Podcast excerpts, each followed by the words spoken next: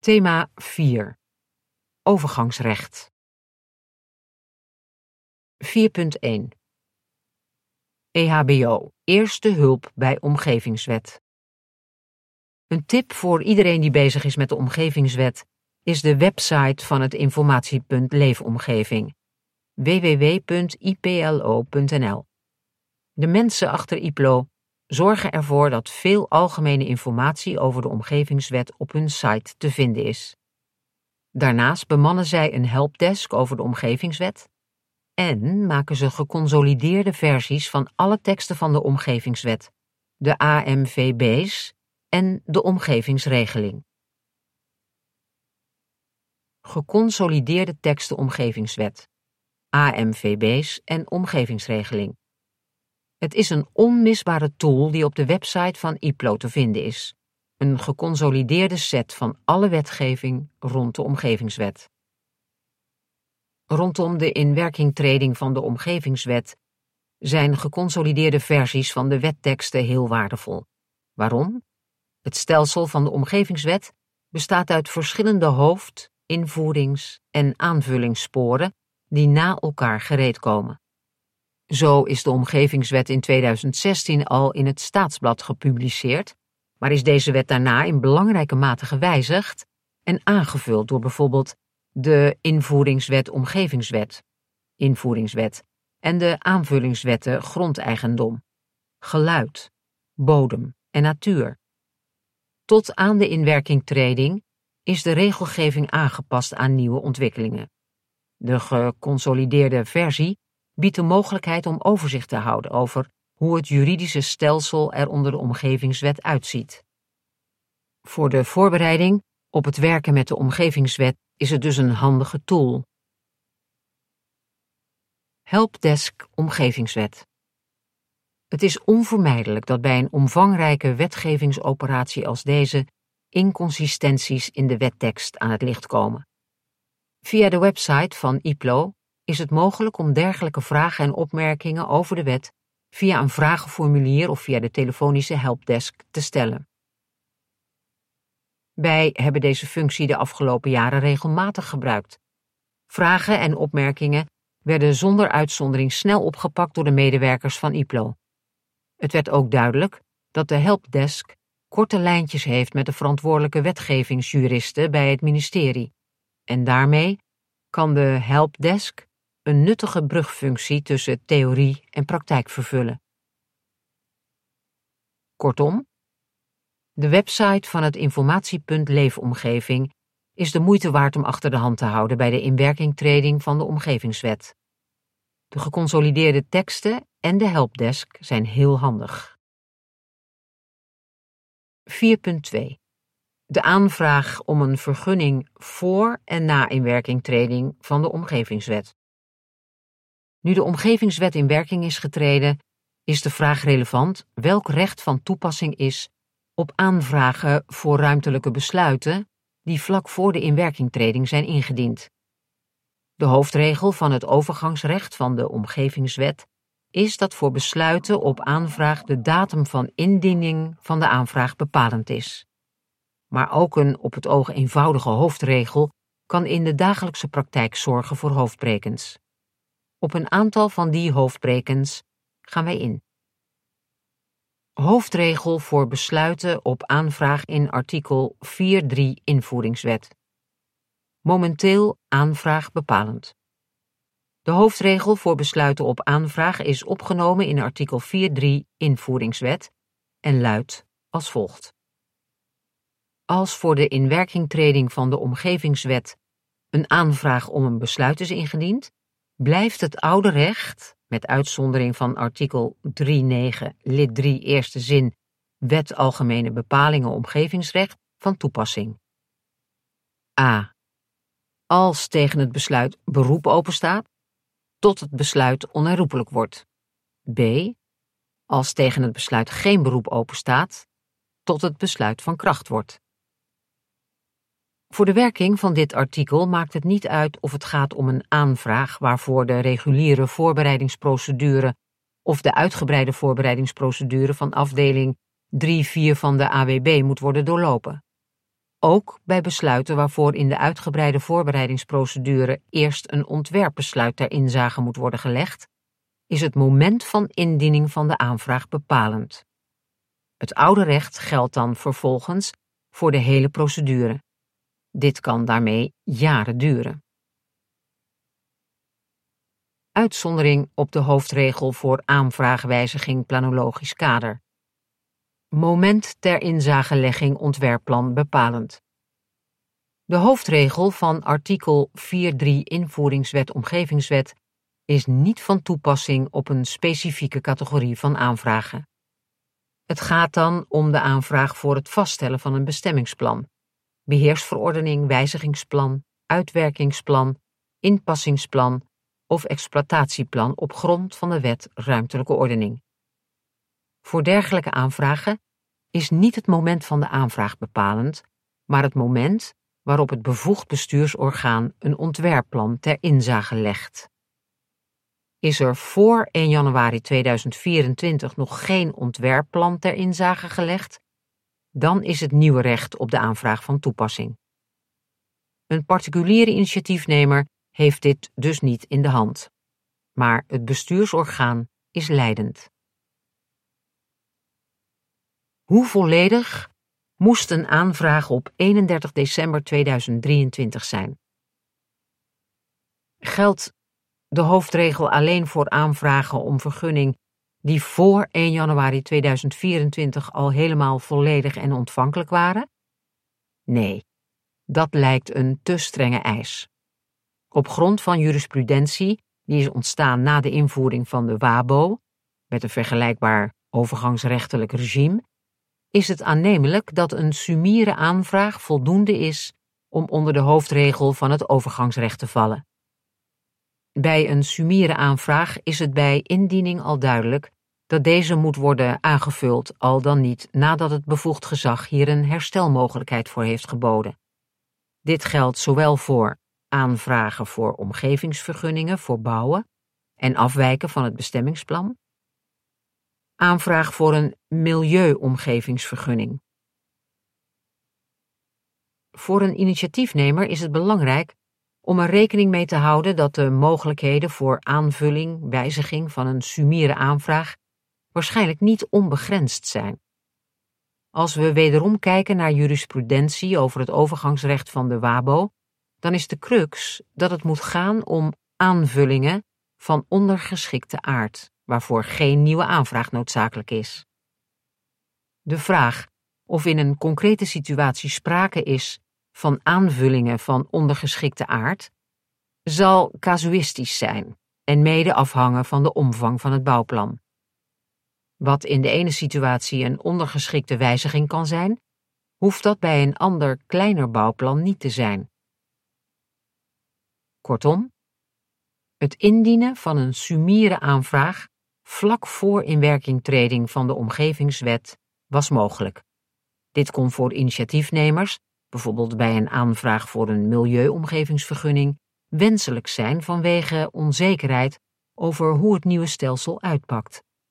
Het zal alleen afhangen in hoeverre die aanvraag nadien nog moet worden gewijzigd of op een aanvraag definitief de WABO van toepassing kan blijven. 4.3 Een aanvraag voor wijziging van het planologisch kader.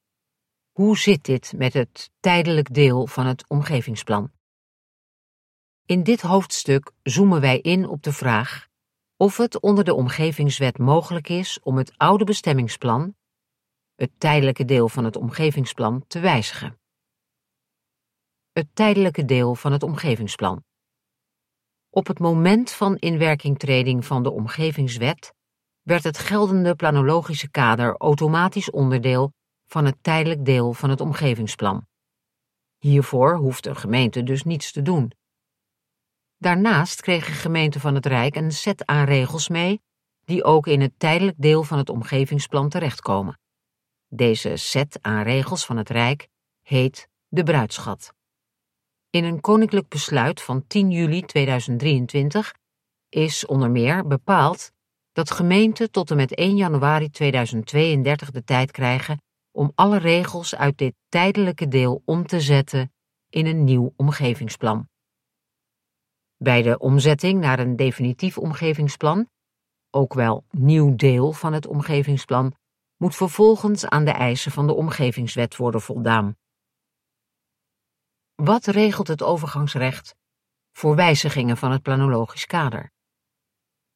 Voordat we de vraag kunnen beantwoorden of het voor gemeenten mogelijk is om het tijdelijk deel van het omgevingsplan te wijzigen, is het relevant om te weten dat het overgangsrecht voor aanvragen om bestemmingsplanwijzigingen vier situaties onderscheidt. 1. Een aanvraag om het vaststellen of wijzigen van het bestemmingsplan is voor de inwerkingtreding van de omgevingswet ingediend en het bestuursorgaan heeft in reactie daarop, eveneens voor inwerkingtreding, een ontwerpbestemmingsplan ter inzage gelegd. In dat geval is het oude recht van de Wet Ruimtelijke Ordening van toepassing tot dit bestemmingsplan onherroepelijk is geworden. Zie artikel 4.6 lid 2 Invoeringswet. 2. Een aanvraag om het vaststellen of wijzigen van het bestemmingsplan is voor de inwerkingtreding van de Omgevingswet ingediend en het bestuursorgaan heeft in reactie daarop, eveneens voor inwerkingtreding, de bestemmingsplanprocedure doorlopen, zie afdeling 3.4 Algemene Wet Bestuursrecht, maar negatief beslist. In dit geval is het oude recht van toepassing. Zie artikel 4.6 lid 4 Invoeringswet Omgevingswet. Dit betekent dat beroep openstaat bij de afdeling bestuursrechtspraak van de Raad van State tegen het negatieve besluit en dat de bestuursrechter het besluit zal toetsen aan de oude regels. 3. Een aanvraag om het vaststellen of wijzigen van het bestemmingsplan is voor de inwerkingtreding van de Omgevingswet ingediend en het bestuursorgaan heeft niet voor inwerkingtreding een ontwerpbestemmingsplan ter inzage gelegd. In dit geval is het nieuwe recht van de Omgevingswet van toepassing. Zie artikel 4.6 lid 4 Juncto. Artikel 4.3 Invoeringswet. 4. Een aanvraag om het wijzigen van het omgevingsplan wordt na de inwerkingtreding gedaan. Het nieuwe recht is van toepassing. Zie artikel 4.6 lid 4 Junco, artikel 4.3 Invoeringswet. Kortom, welke mogelijkheden hebben gemeenten om het tijdelijk deel van het omgevingsplan te wijzigen? Voor de bovengeschetste situaties 3 en 4 geldt dat het vanaf de inwerkingtreding van de omgevingswet onmogelijk is geworden om een bestemmingsplan gewijzigd vast te stellen. Het tijdelijk plan is feitelijk bevroren. Het gevolg hiervan is dat een bestuursorgaan na de inwerkingtreding alleen nog positief kan beslissen op een aanvraag voor wijziging van het planologisch kader door het bestemmingsplan, tijdelijk deel, te vervangen door het vaststellen van een omgevingsplan, nieuw deel. In het nieuwe deel worden dan nieuwe regels opgenomen en wordt bepaald dat de regels in het tijdelijk deel vervallen. Daarbij moet dan aan alle regels uit de omgevingswet voor het vaststellen van een omgevingsplan worden voldaan. In zoverre is het dus niet mogelijk om op de oude voet verder te gaan. Maar in het volgende hoofdstuk bespreken wij een soort workaround optie, die er volgens VNG en IPLO wel is, waarmee de bevroren bepalingen in het oude deel gepasseerd kunnen worden in het nieuwe deel met de zogenaamde voorrangsbepalingen. 4.4 Voorrangsbepalingen in het omgevingsplan. In het vorige hoofdstuk kwam aan bod dat het na de inwerkingtreding van de omgevingswet praktisch onmogelijk is om het oude bestemmingsplan, het tijdelijk deel van het omgevingsplan, gewijzigd vast te stellen. In dit hoofdstuk staan we stil bij een soort workaround optie, waarmee de bepalingen in het oude deel gepasseerd kunnen worden in het nieuwe deel met zogenaamde voorrangsbepalingen. Omzetten van regels uit tijdelijk deel van het omgevingsplan. Tijdens de overgangsfase krijgen gemeenten tot 1 januari 2032 de tijd om het tijdelijke deel van het omgevingsplan om te vormen tot één omgevingsplan. Dit omvormen kan door de regels uit het tijdelijke deel van het omgevingsplan per locatie om te zetten naar het nieuwe deel. Een gemeente bepaalt daarbij zelf hoe groot zo'n locatie is. Gemeenten zijn dan ook niet verplicht om voor hun hele grondgebied in één keer alle regels uit het tijdelijke deel om te zetten. Wel geldt dat als een regel voor een locatie in het tijdelijke deel van het omgevingsplan vervalt, alle ruimtelijke regels voor die locatie moeten vervallen. Dit komt doordat in artikel 22.6 lid 1 Omgevingswet met zoveel woorden is opgenomen dat de regels uit het tijdelijk deel van het omgevingsplan alleen alle tegelijk komen te vervallen. Dat wil dus zeggen dat wanneer de gemeente in het tijdelijk deel één of meer ruimtelijke regels voor een locatie wil laten vervallen, de gemeente alle ruimtelijke regels voor die locatie moet laten vervallen. Het is binnen het digitaal stelsel omgevingswet technisch onmogelijk om in het tijdelijk deel voor een locatie een ruimtelijke regel van het tijdelijk deel van het omgevingsplan te schrappen en tegelijkertijd een andere ruimtelijke regel voor diezelfde locatie te behouden. Het thematisch ombouwen van de regels uit het tijdelijk deel van het omgevingsplan naar het nieuwe deel is daarmee geen optie. Workaround optie. Wel is het mogelijk om aanvullende regels in het nieuwe deel van het omgevingsplan op te nemen. Voorwaarde is wel dat er geen strijd bestaat met het tijdelijke deel van het omgevingsplan. Op het moment dat er toch strijd bestaat, dan geeft de memorie van toelichting bij de invoeringswet Omgevingswet op de pagina's 105 en 106 aan dat alle ruimtelijke regels voor de betreffende locatie in het tijdelijke deel van het omgevingsplan moeten worden ingetrokken en nieuwe regels worden opgenomen in het nieuwe deel. Echter, VNG en IPLO zijn van mening dat er een workaround bestaat voor het voorgaande. Zij vinden dat artikel 22.6 lid 1 Omgevingswet zich niet verzet om een voorrangsbepaling op te nemen in het nieuwe deel van het omgevingsplan, die ervoor zorgt dat de regel in het nieuwe deel van het omgevingsplan voorgaat op de ruimtelijke regel in het tijdelijke deel. Op dat moment is er geen strijd meer terwijl de ruimtelijke regel in het tijdelijke deel niet is komen te vervallen. Deze workaround krijgt daarmee trekjes van het figuur van het paraplubestemmingsplan, zoals we deze in de praktijk kennen, waarbij vaak voor een specifiek onderwerp als archeologie of parkeren voor het hele grondgebied een nieuwe regeling wordt opgenomen. Voorbeeld van een voorrangsbepaling. In afwijking van het bepaalde in bepaling in het tijdelijk deel geldt voor de locatie X afwijkende bepaling.